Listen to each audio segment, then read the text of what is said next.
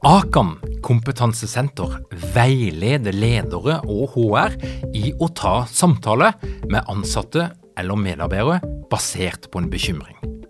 Akan setter ledere og medarbeidere i stand til å forebygge og håndtere en problematisk bruk av alkohol, narkotika, legemidler, spill eller doping blant ansatte. Ønsker du å lære mer om god forebygging og gjennomføring av samtale med en som du er bekymra for? Da kan du nå få tilgang på Akan sitt digitale samtalekurs til spesialpris, kun 760 kroner. Målet med kurset er å gjøre deg tryggere i det som kan være en krevende, men viktig samtale å ta i lederrollen. Du får tilgang til kurset med å gå til samtalekurs.no, samtalekurs.no, og bruke kampanjekoden LEDERPODDEN. Tilbudet gjelder ut april. Gikk du glipp av vår masterclass i Den vanskelige samtalen? Fortvil ikke. Masterklassen ble så bra og pågangen har vært så stor at vi har valgt å lage vårt første videokurs noensinne.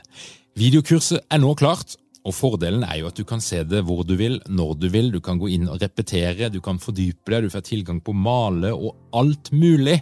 Og alt handler om å gjøre deg så trygg og kompetent som mulig til å gå inn og gjennomføre korrigerende og undersøkende samtale og gjør vanskelige vurderinger knytta til atferd på jobb.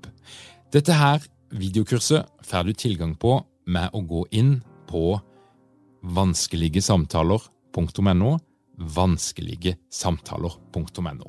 Og Hele pakka er det altså Svein Tore Bergestuen, medforfatter av Den profesjonelle samtalen, og meg sjøl som stevner bak. Og hvis du er interessert, så er det altså bare å komme deg inn på vanskeligesamtaler.no.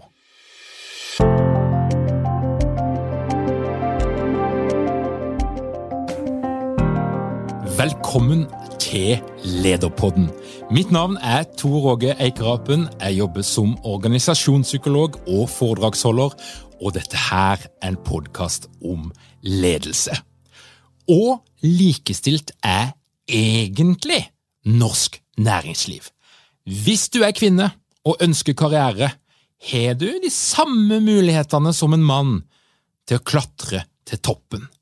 Dette her har jeg lyst til å finne mer ut av, og derfor har jeg invitert Jorunn Sofie Aartun til Lederpodden. Hun er journalist, hun er leder av Dagens Næringsliv sin satsing på ledelse, og hun er forfatter som nettopp har lansert boka Penger og livet. Ei bok som handler om økonomi, og som retter seg mot kvinner som har lyst til å ta grep rundt egen økonomi. Jorunn, velkommen til Lederpodden. Tusen takk. Det er veldig hyggelig å få lov til å gjeste podden. Jeg er jo fast lytter og syns det er veldig stas. Tusen takk, stas at du ville komme. Og Det er jo en grunn til at jeg inviterte deg, og det er jo fordi at du har et overblikk og du har en, en kontakt eh, inn i kvinneverden. Spesielt gjennom det initiativet som du har vært med å ta, som da heter DN Kvinne. Som er et forum med altså 30 000 engasjerte, stort sett kvinnelige deltakere. Men det jeg da aller mest lurer på, det er jo gi oss en, en sånn lite overblikk, en liten statusrapport på hvor likestilt er egentlig norsk næringsliv? Ja, altså Det er og blir mannstungt på toppen av eh, norsk næringsliv. Og som journalist i DN så ser vi jo dette veldig på nært hold. Eh, hvis du ser helt på toppen, altså blant administrerende direktører, så er det 14% kvinner. Eh, bare. Og på nivået under, altså i ledergruppene, eh, så er det fortsatt ikke flere enn én av fire som er kvinner. Og så ser vi jo heldigvis da at eh, kvinneandelen har økt litt de siste årene, men det beveger seg veldig, veldig sakte. De siste to årene så har 70 av de største norske selskapene jaktet på en ny toppsjef, og kun 18 av disse selskapene ansatte en kvinnelig toppsjef. Så det er mye å ta tak i. Og så er det ganske store forskjeller på hvilke lederstillinger kvinner og menn har. I operative stillinger, altså der hvor man har resultatansvar, og som ofte er liksom springbrettet for å bli toppsjef, så er det bare 18 kvinner. Eh, mens i HR-posisjoner og mer sånn stablederjobber, så er over halvparten eh, kvinner. Så sjansene for å få en lederstilling eh, som kvinne er høyere hvis du sikter deg inn mot HR og stab, hvis jeg skjønner det riktig? Eh, ja, altså Hvis du vil ha en topplederjobb, så er det de operative stillingene med resultatansvar du må gå for. Og det er jo en lang vei eh, til det målet. Uh, og der ser vi at det er få kvinner i den poolen. Ja, Men da oss ta HR litt, da. For det er mange HR-folk som hører på, på Lederpodden. Og min erfaring er jo at du hvis du treffer altså Toppledere i norsk næringsliv ofte møter du de HR, altså som en HR-direktør på toppen av HR. Men et annet fenomen som jeg biter meg litt merke i, og som jeg har diskutert litt med andre òg, det er det at HR har en tendens til å gå litt inn og ut av toppledergruppa. Altså at HR er noe som er litt sånn valgfritt, selv om alle snakker om hvor viktig mennesket er, og de menneskelige ressursene er det viktigste for vår virksomhet så viser det seg jo i praksis da, at i, på toppnivået, på det aller øverste nivået, så driver en og dytter ut og inn HR og den kvinnelige HR-direktøren. Hva, hva, har du sett knytta til dette her? Ja, det er veldig interessant. Eh, jeg tenker jo at eh, Det store spørsmålet er jo også hvordan rekrutterer man til HR-stillinger. Nå fikk jeg faktisk akkurat i dag en telefon fra en eh, toppleder i et veldig stort og spennende selskap som var helt fra seg, for de er på jakt etter en ny HR-direktør. Og da var det bare 12% menn som hadde søkt på jobben i utgangspunktet. Så jeg tenker jo at man også kanskje må tenke litt nytt i hvordan man eh, rekrutterer eh, i de posisjonene, hvis målet er å få en bedre kjønnsbalanse der også. Eh, for dette er jo kjempeviktige funksjoner som bidrar til store utviklings- og endringsprosesser i en organisasjon. Så jeg syns det er en tankevekker. Kanskje man rett og slett må tenke litt sånn nytt rundt det. da. Eh, for å få flere menn til å søke seg til de viktige og spennende jobbene. Men det er altså 18, 18% kvinner i de operative stillingene, som altså da ofte leder til topplederstillinger. Og så vet vi på den andre sida at når det gjelder høyere utdannelse, uansett hvilket fagområde vi snakker om, så er det per dags dato dominert av kvinner. Det finnes sikkert noen unntak. Jeg tror ingeniørfaget sliter litt, og, og, og noe IT, men der er det jo endringer. Men høyere utdannelse domineres av kvinner. De er flinke, de får gode karakterer, de presterer på et høyt nivå. Hvorfor er det da sånn at det fremdeles er menn, hvite menn, i dress som fyller de norske toppledergruppene? Det er så interessant og et stort og spennende spørsmål du stiller her. Og som journalist har jeg brukt ganske mye tid på å prøve å avdekke det jeg mener er de skjeve maktstrukturene som sedimenterer denne skjeve kjønnsrepresentasjonen på toppen. Og hvis man ser til noen eh, bransjer, f.eks. advokatbransjen, som tradisjonelt eh, er ganske mannstom i, to i toppen, eh, så tror jeg det har sammenheng med at de har såkalte individuelle bonusordninger eh, som gjør at eh, Og at partnerskapet har en sånn type innretning som gjør at eh, man skal være en rainmaker. Man skal bidra mest mulig til kaka som skal deles mellom partnerskapet. Eh, og så kan det være da i perioder hvor kvinner ikke eh, klarer å, å, nå de kravene fordi man får barn og andre typer ting. Eller at man på en måte ikke får muligheten til å ta steget opp da, fordi man har andre kundeportføljer enn det f.eks. de mannlige kollegene har. Så det er sånne faktorer som kan, eh, kan spille inn. Eh, men eh, norske toppledere selv mener jo også da, at en ekte forklaring på mannsdominansen på toppen er at man også rekrutterer gjennom sånne såkalte uformelle nettverk, og at det er få kvinner som søker seg til lederstillingene. Så her, her tror jeg igjen det skyldes maktstrukturer som er skjeve. Og så kan det være kulturelle koder og andre typer forventninger til kvinner og menn i arbeidslivet. Så man har kanskje ikke så like muligheter som man tror da, på papiret. Nei, og Det er jo noen forskning som viser at en, uh, menn og kvinner blir opplevd veldig ulikt, eller karakterisert veldig ulikt, spesielt når de viser autoritet.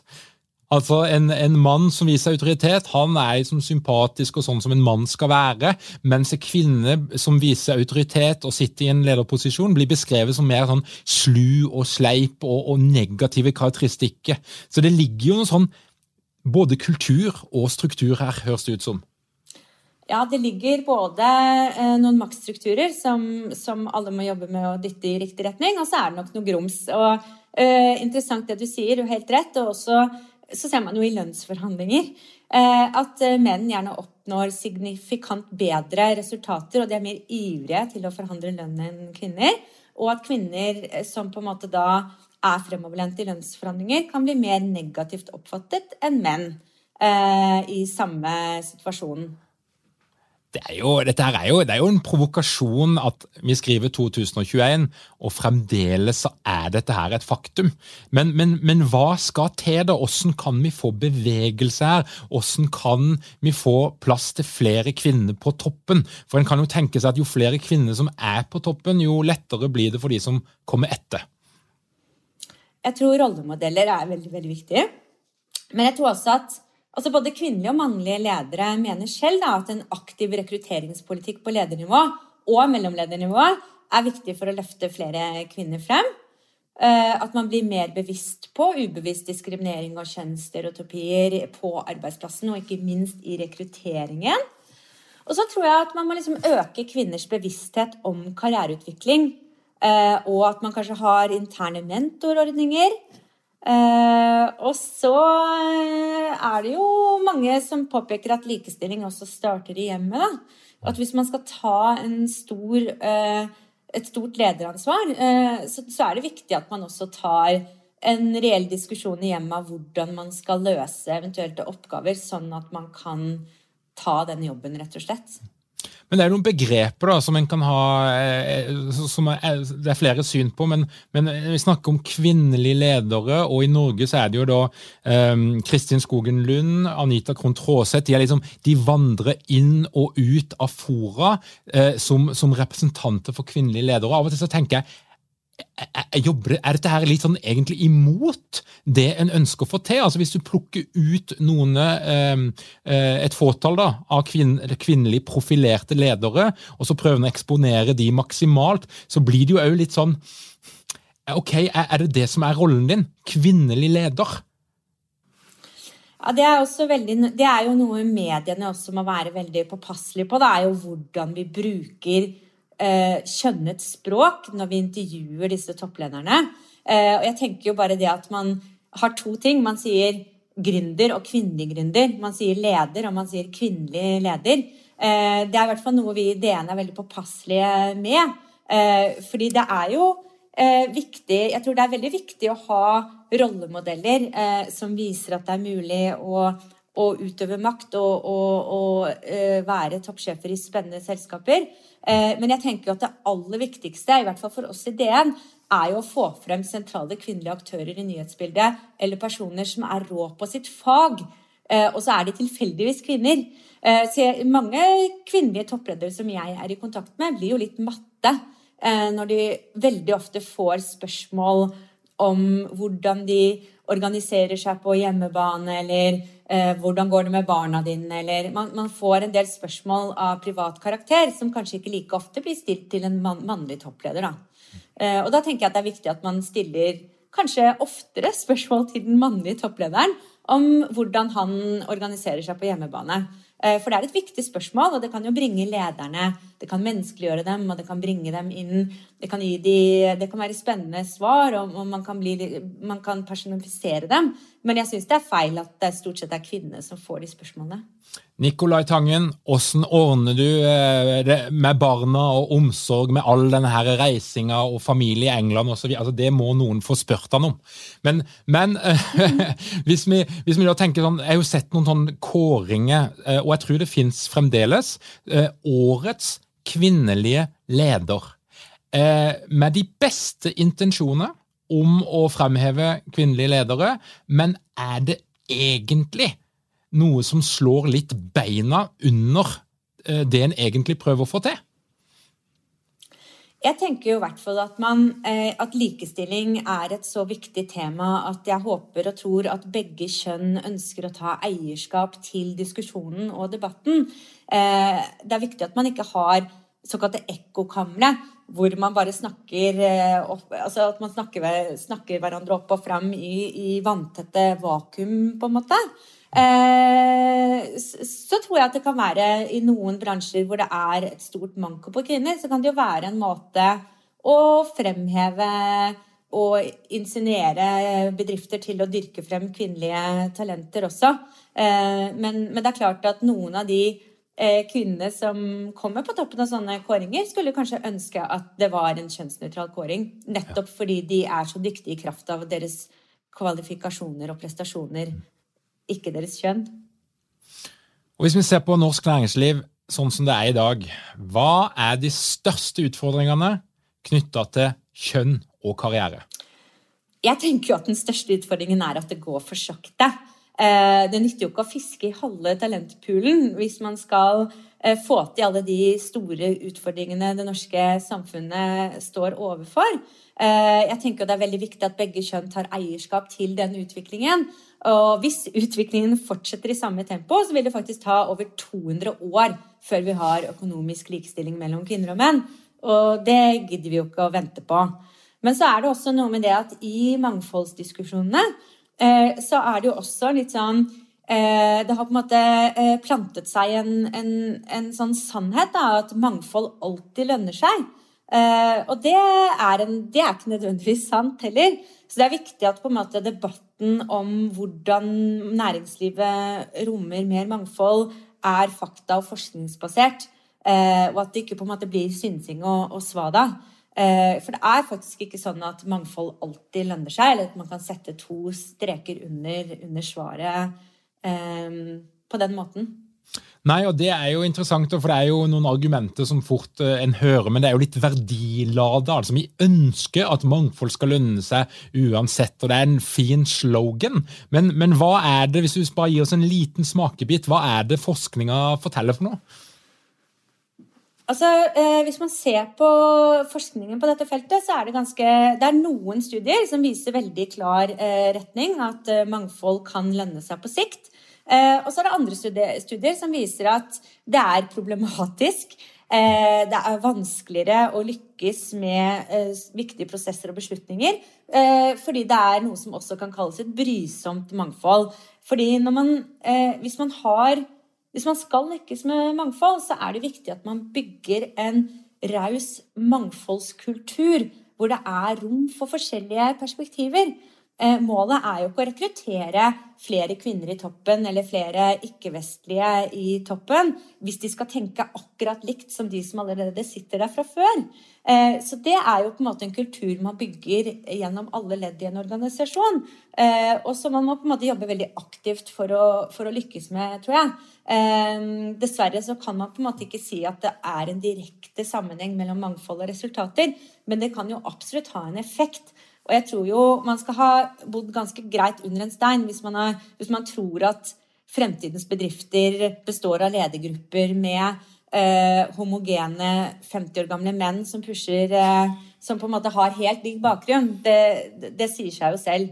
Men man skal være litt forsiktig med begrepsbruken, rett og slett. Dagens Næringsliv, eh, dykken er en stor arbeidsplass, dykken er en samfunnsaktør, og dykken er i en posisjon der dykken påvirker hva vi opplever som, som viktig og ikke viktig, og, og kan speile jo på en måte næringslivet i Norge gjennom de reportasjene og de valgene du kan gjøre. Og da må jeg jo spørre, da, hva er det Dagens Næringsliv gjør, din arbeidsgiver, for å få et litt mer likestilt næringsliv? Ja, altså For oss som dekker næringslivet, hvor de fleste maktpersonene er menn, så er det bare én ting som funker, og det er skjerpings. Eh, heldigvis så har vi mange reportere som er flinke til å lete aktivt etter kvinnelige aktører eller eksperter. Eh, og vi bruker faktisk ganske mye tid på det. Eh, fordi kvinner er generelt litt mer forsiktige og mindre glad i oss journalister. Eh, ofte så ringer vi noen, og så er de sånn Nei, du, det kan ikke jeg. Eller hvorfor ringer du ikke sjefen min? Eller at, man, man, at, at mange kvinnelige kilder eh, blir litt skeptiske. Og, og, og det, det, kan jeg forstå også, fordi hvis man ser Er du ikke mange ledere uten trening eller utdannelse innen ledelse? Mangler du ikke en felles kultur og praksis for ledelse? Ønsker ikke å være bedre rusta for fremtidig vekst og endring? Da kan et internt lederutviklingsprogram være en god investering. I Execu så er vi eksperter på å designe og gjennomføre bedriftsinterne lederutviklingsprogram. Hvis du ønsker å lære mer om hvordan vi kan hjelpe dykken til å få enda bedre ledere, ta og klikk deg inn på execu.no.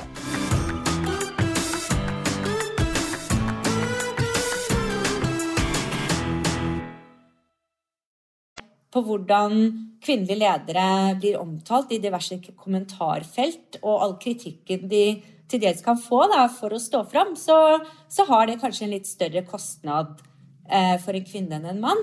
Og Der må vi journalister igjen være proaktive og sørge for at de føler seg trygge i den prosessen, og at de får tid på seg til å formulere gode svar, og at de føler seg rett og slett ivaretatt. Og Det var jo en sånn, jo en sånn greie på, på NRK um, uh, Nå husker jeg ikke navnet på serien, men der de tok for seg folk som kalte seg eksperter, og som ofte ble brukt av media. Det var jo i uh, Du må hjelpe meg, du kommer sikkert på navnet på serien. Det, det ligger litt rett baki der. Men, ja, uh, jeg vet hvilket ja, men i hvert fall så, så var det jo da en rekke menn som ble brukt i masse ulike sammenhenger i media. Og, og, og, noen av de her mennene de hadde jo 50 ulike fagområder som de kalte seg for ekspert innen. Og de ble sitert gang etter gang i media, mens andelen kvinner på den lista over eksperter var ja, merkverdig liten, hvis det i det hele tatt var noen der. Ja, og det er jeg så glad for at du sier det, fordi det er ikke bra nok å bare ringe den mannen som, som tar telefonen kjappest og svarer mest spissformulert. Og vi har faktisk gjort en del ting for å prøve å gjøre den jobben lettere. Eh, det er nyhetsredaktør Janne Johannessen som har tatt initiativ til dette. Og vi har da laget en felles kildeliste som kan sorteres på skjønn, slik at det blir lettere å finne f.eks. finanseksperter som ikke er menn. da.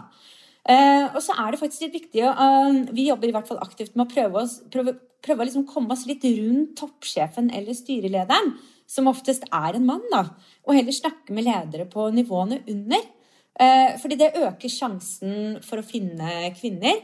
og også lederne som har faktisk størst peiling på det vi skriver om. da. Så det å på en måte jakte på de fagtunge kildene, der sitter ofte mange dyktige kvinner. Men er det, er det, en greie, da? Er det, er det, en forskjell på kjønnene? Er det sånn at menn i større grad bare kaster seg ut på, late som de er eksperter og tar på seg altfor store sko, mens kvinner føler at de skal ha gjort hjemmeleksa si, de skal faktisk være eksperter på det de eh, hevder å være eksperter på? Altså at kvinner er litt strengere med seg sjøl og skal stå på litt mer trygg grunn, mens gutta bare kjører på, og det viktigste er å få publisitet. Eh, det kan kanskje tyde på at det er sånn. Eh, jeg syns i hvert fall at eh, Men samtidig så er det ikke dette Det blir jo litt sånn generalisering, naturligvis. Men, men, min erfaring er i hvert fall at vi må jobbe mer for å få kvinnelige kilder til å stå fram og komme med et budskap.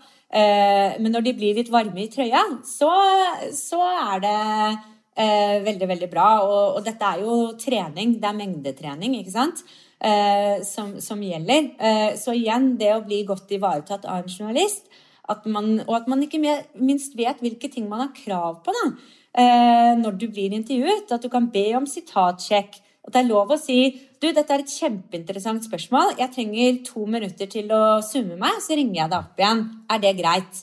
Altså Sånne type grep eh, gjør jo at man føler at man har liksom mer eierskap til intervjuprosessen. Eh, så det er viktig.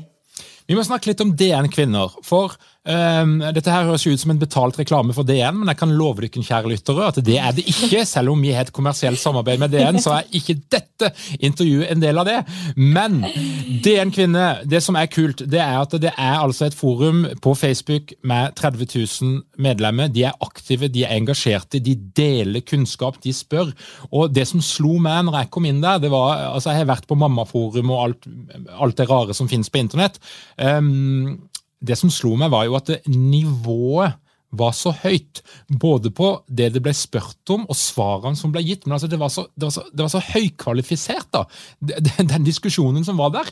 Um, og, og, og, det var interessant. Og engasjementet og, og antall deltakere. Altså, hva er det som gjør at dette her forumet har blitt en suksess? For dette, det må jo tydeligvis ligge et eller annet behov der uh, som, som, som dere treffer.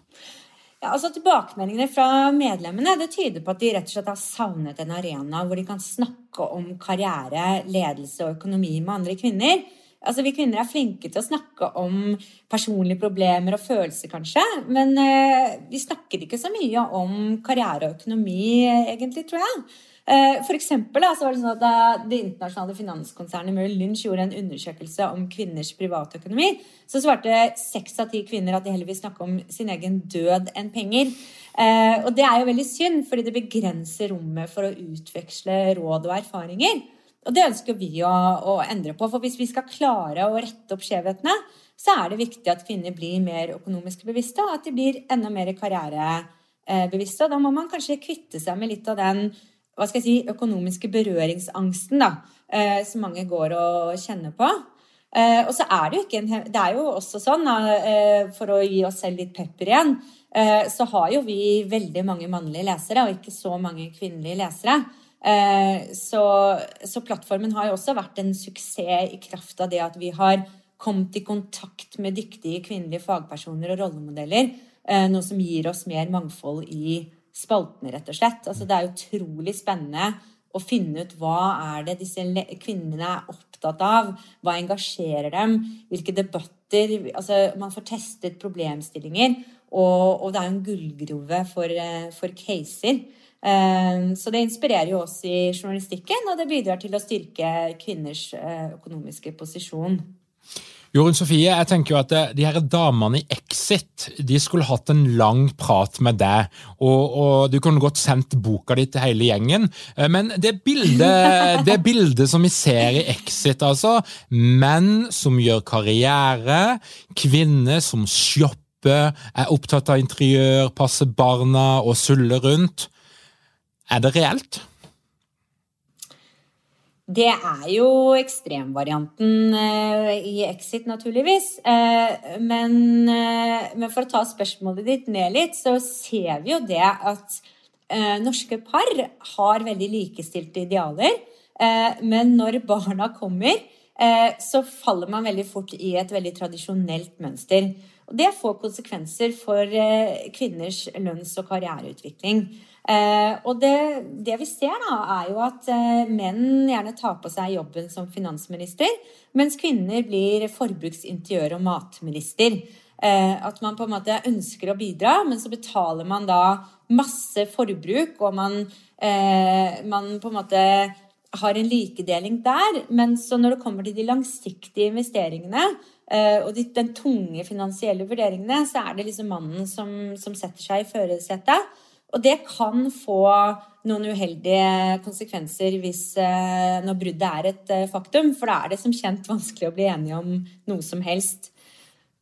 Og dette her er jo, Det er jo to aspekter med det. Det ene er jo at kvinner setter seg i en posisjon, eller blir satt kulturelt i en posisjon, der de er taperne når ting gjenger skeis, som det jo veldig ofte gjør på et eller annet tidspunkt. Og nummer to er jo mer den herre altså det å utvikle seg, det å bruke sitt potensial, bruke sine talenter. Eh, alt dette her som arbeidslivet gir oss av verdi, som ikke handler om å møte eller om å få ei lønn. Eh, som jo jeg tenker er en sånn, Det er en trist greie hvis du putter lappen 'mamma' på det, og så er det din identitet og alt du er. Det er fint når barna er små, men når de er litt større, så, så kan det være at du, du, er i en posisjon som, som er uheldig, og, og, og noe du kan angre litt på. Jeg tenker, er, eh, jeg tenker, at alle må få velge selv hvordan de vil innordne livene sine, og hvilke valg de vil ta. Eh, og det å være hjemme med barn kan jo absolutt være verdt det. Men du må bare vite om de økonomiske konsekvensene av det. Altså det at man er bevisst hvilke konsekvenser valgene man tar, får. Da. Eh, og gjennom nå to års arbeid med, med DN Kvinner, så, så, så tror jeg at mange kvinner kanskje ikke helt er klar over eh, hvordan, hvilken risiko man kan løpe da, hvis man ikke har tatt en god prat om hvordan man skal organisere økonomien sin på en måte som gir kvinner honnør for den innsatsen de legger i eh, for, å få, for, å få, ting til å gå rundt på, på hjemmebane. Alle damer som hører på dette her, som kjenner seg litt igjen, 'Penger og livet' er altså navnet på, på boka. Den, eh, der, der, der, der, er det ting å hente. uh, uh, det jeg lurer litt på, det er jo ledere som lytter på podden, og som har lyst til å ja, ta et lite grep, da. Og, og ta litt tak og, og, bidra positivt. Hva skal de gjøre? Jeg tenker at et veldig viktig eh, stikkord er jo eh, at man driver en litt sånn aktiv rekrutteringspolitikk, rett og slett. Eh, altså at man tenker litt nytt om hvordan man bygger talenter i organisasjonen på alle, alle nivåer.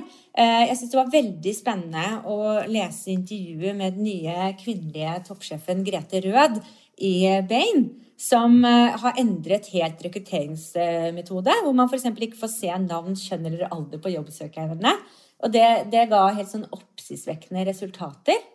Eh, så det er det å tenke nytt rundt rekruttering og kanskje ha gode mentorordninger internt, det tror jeg er kjempeviktig. Eh, og så tror jeg det er viktig at man oppfordrer kvinner til å våge å søke på høythengende stillinger, selv om de kanskje ikke tikker alle boksene i stillingsbeskrivelsen. Eh, at man rett og slett tar noen sjanser og tenker at dette er mer enn bra nok. Og jeg tror det er viktig at man oppfordrer menn til å ta fedrepermisjon.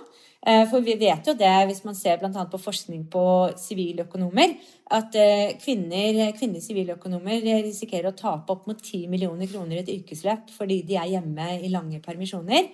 Eh, så selv om det er en kort periode i et langt liv, så, så, så kan det få noen implikasjoner i lønns- og karriereutviklingen til kvinner. og så tror jeg det er viktig at man har kontakt med ansatte som er ute i foreldreperm, hvis de ønsker det selv. At man sørger for at de får meningsfulle oppgaver når de er tilbake på jobb. Ehm, det er lov å logge seg av en periode når man har barn, f.eks., men vi ser jo at veldig mange kvinner faller av. Da. Eh, de orker ikke liksom lederjage på samme måte når de eh, kjenner tidsklemma for real. Ehm, så det å på en måte pleie litt kontakt med de flinke kvinnelige talentene, det tror jeg er kjempelurt. Eh, og så må man stille seg spørsmålet liksom, har menn og kvinner like reelle muligheter for å lykkes i organisasjonen. Eh, hvilke på en måte Har vi en individuell basert bonusordning, f.eks.? Eh, hvilke konsekvenser og implikasjoner har det eh, for kjønnsbalansen? Eh, rett og slett. Mine, det, det, det, det, er de tipsene jeg tror jeg har eh, sånn på generelt nivå. Men det kommer jo også selvfølgelig spesifikt an på hvilken bransje man jobber i. da. Og så er det jo sånn at Jeg holder jo til på Sørlandet, og her er scoren jo ekstremt lavt på likestilling. Og det er noen holdninger som eh, til tider kan bli eh, litt for dominerende. Der noen svarer på de her problemene som du adresserer, så svarer de at eh, kvinner må få lov til å velge sjøl, familien må velge sjøl, og bedrifter må velge sjøl. Ikke driv og bland dere opp i åssen vi skal organisere oss. Hva tenker du om det? Ja. Jeg, jeg, blir litt provosert jeg hører folk si at uh, kvinner må få velge selv, og familien må få velge selv, og bedrifter må få velge selv. For da tror jeg man glemmer at dette ikke er valg som tas i et, i et vakuum. Dette er jo Dette handler jo om strukturer. Uh, og, og, og, på en måte uh, Jeg er opptatt av at man skal ha muligheter til å velge selv, men det skal være reelle muligheter for å velge selv. Da må man også se på, på, hvordan man organiserer seg, og hvilke strukturer man har i bedriften og i samfunnet generelt. Jeg vet at det er mange eh, kvinner som er i utdannelse, og som er i gang nettopp med karrieren sin, som hører på Lederpodden. Og noen av de, de har ambisjoner de ønsker å nå langt, de ønsker å ta ledelse, eh, og de er dritsugne på å komme seg til toppen. Og det jeg lurer på, Jorunn Sofie, mens du da liksom nesten ennå er i den fasen der, hva er ditt beste råd? Hva er det de her jentene bør være forberedt på og innstille seg på, og, og, og som er smarte trekk for å kunne realisere sine drømmer og sine ønsker innenfor karriere?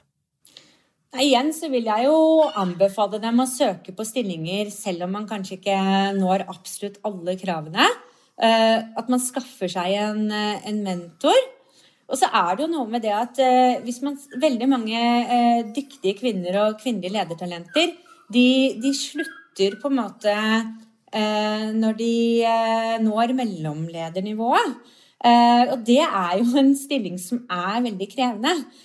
Så det å kanskje stå i de, den, den, jobben som, som har sine utfordringer, gjør jo at man, eh, jo at man, eh, man kan nå lenger, da.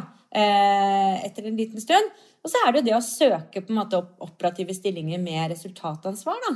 Eh, hvis man ønsker å, å bli eh, toppleder, som er viktig. og så tror jeg det er veldig viktig at man tar samtalen på hjemmebane. Eh, det er faktisk problematisk at eh, kvinner fortsatt tar en større andel av husarbeidet, f.eks. Vi vet på tidsmålingsundersøkelser at kvinner i snitt gjør én time mer husarbeid enn menn per dag. Eh, og det er klart at man kan ikke være toppleder hjemme og på jobben. Så, så her er man nødt til å ta en diskusjon rundt hvordan man, hvordan man innordner seg. Og så tror jeg ikke jeg, jeg, Det har jo vært en veldig sånn stor diskusjon om pandemien og det tredje skiftet har vært et tilbakesteg på likestillingen. Og mange kvinner og kvinnelige ledere har på en måte gitt uttrykk for at det har vært vanskelig. Eh, men jeg tror ikke at kvinner nødvendigvis er liksom programmert genetisk for at de vil ta klesvasken eller bake boller. Eh, nødvendigvis. Eh, så, på en måte, dette er jo viktige samtaler å ta med sin respektive partner. da. At man finner en, en ordning for hvordan både den emosjonelle og den praktiske planleggingen skal foregå i et hjem. Og så er det viktig at man har kontakt med arbeidsgiver eh, og pleier kontakter da, i perioder hvor man, man, har fravær, som i permisjonstiden f.eks. Det tror jeg er veldig lurt. I hvert fall mange kvinnelige ledere jeg har intervjuet med, har hatt mye igjen av, av det. Jon Sofie, er det noen siste ting du har lyst til å melde ut til våre lyttere eh, når anledninga er der? Eh, jeg, jeg, må jo bare si at jeg syns det er eh, Jeg håper og tror at det blir en positiv utvikling i kjønnsbalansen eh, med blant ledere. Fordi jeg er jo veldig opptatt av at næringslivet er mer enn resultater og bunnlinjer. Det handler jo om makt, mennesker og relasjoner. Det er jo det som driver fram de virkelig gode resultatene. Eh, så jeg håper jo bare at det blir eh, flere, enda flere dyktige kvinner og menn eh, i ledelsen i spennende selskaper i Norge, sånn at vi får muligheten til å intervjue dem. Tusen takk, Jorunn Sofie. Tusen takk for at du kom til Lederpodden. Og alle som hører på, jeg anbefaler dere å følge med på Jorunn Sofie sitt uh, nyhetsbrev, som kommer ut i postkassa di hver eneste torsdag. Da kan du gå inn på dn.no slash ledelse uh, og melde deg på. Men tusen takk, Jorunn, for at du kom til Lederpodden. Tusen takk. Det var veldig hyggelig å prate med deg. Kjære lytter, takk for at du hører på Lederpodden. Hvis du har lyst til å holde deg oppdatert, hvis du har lyst til å få vårt ukentlige nyhetsbrev, få varsel hver gang vi finner på et eller annet pop-up, webinar eller hva det måtte være, ja, så gå inn på lederpodden.no, legg igjen din e-postadresse, og du er med i klubben og blir oppdatert på alt. Og da gjenstår det bare å si takk igjen for at du hører på Lederpodden. Og hvis du virkelig liker det, så er det lov å rate oss. Det er ikke bare lov, men det hjelper oss utrolig mye når du trykker på den der ratingknappen i iTunes eller henne det er. Og hvis du i tillegg skriver en kommentar, så er det fenomenalt. For det hjelper oss å gjøre Lederpodden kjent, og eh, la andre få lov til å ta del i gleden. Så på forhånd takk for at du gidder å bruke et par sekunder på å trykke på den knappen. Da ønsker jeg deg ei veldig god uke, og igjen tusen takk for at du hører på Lederpodden.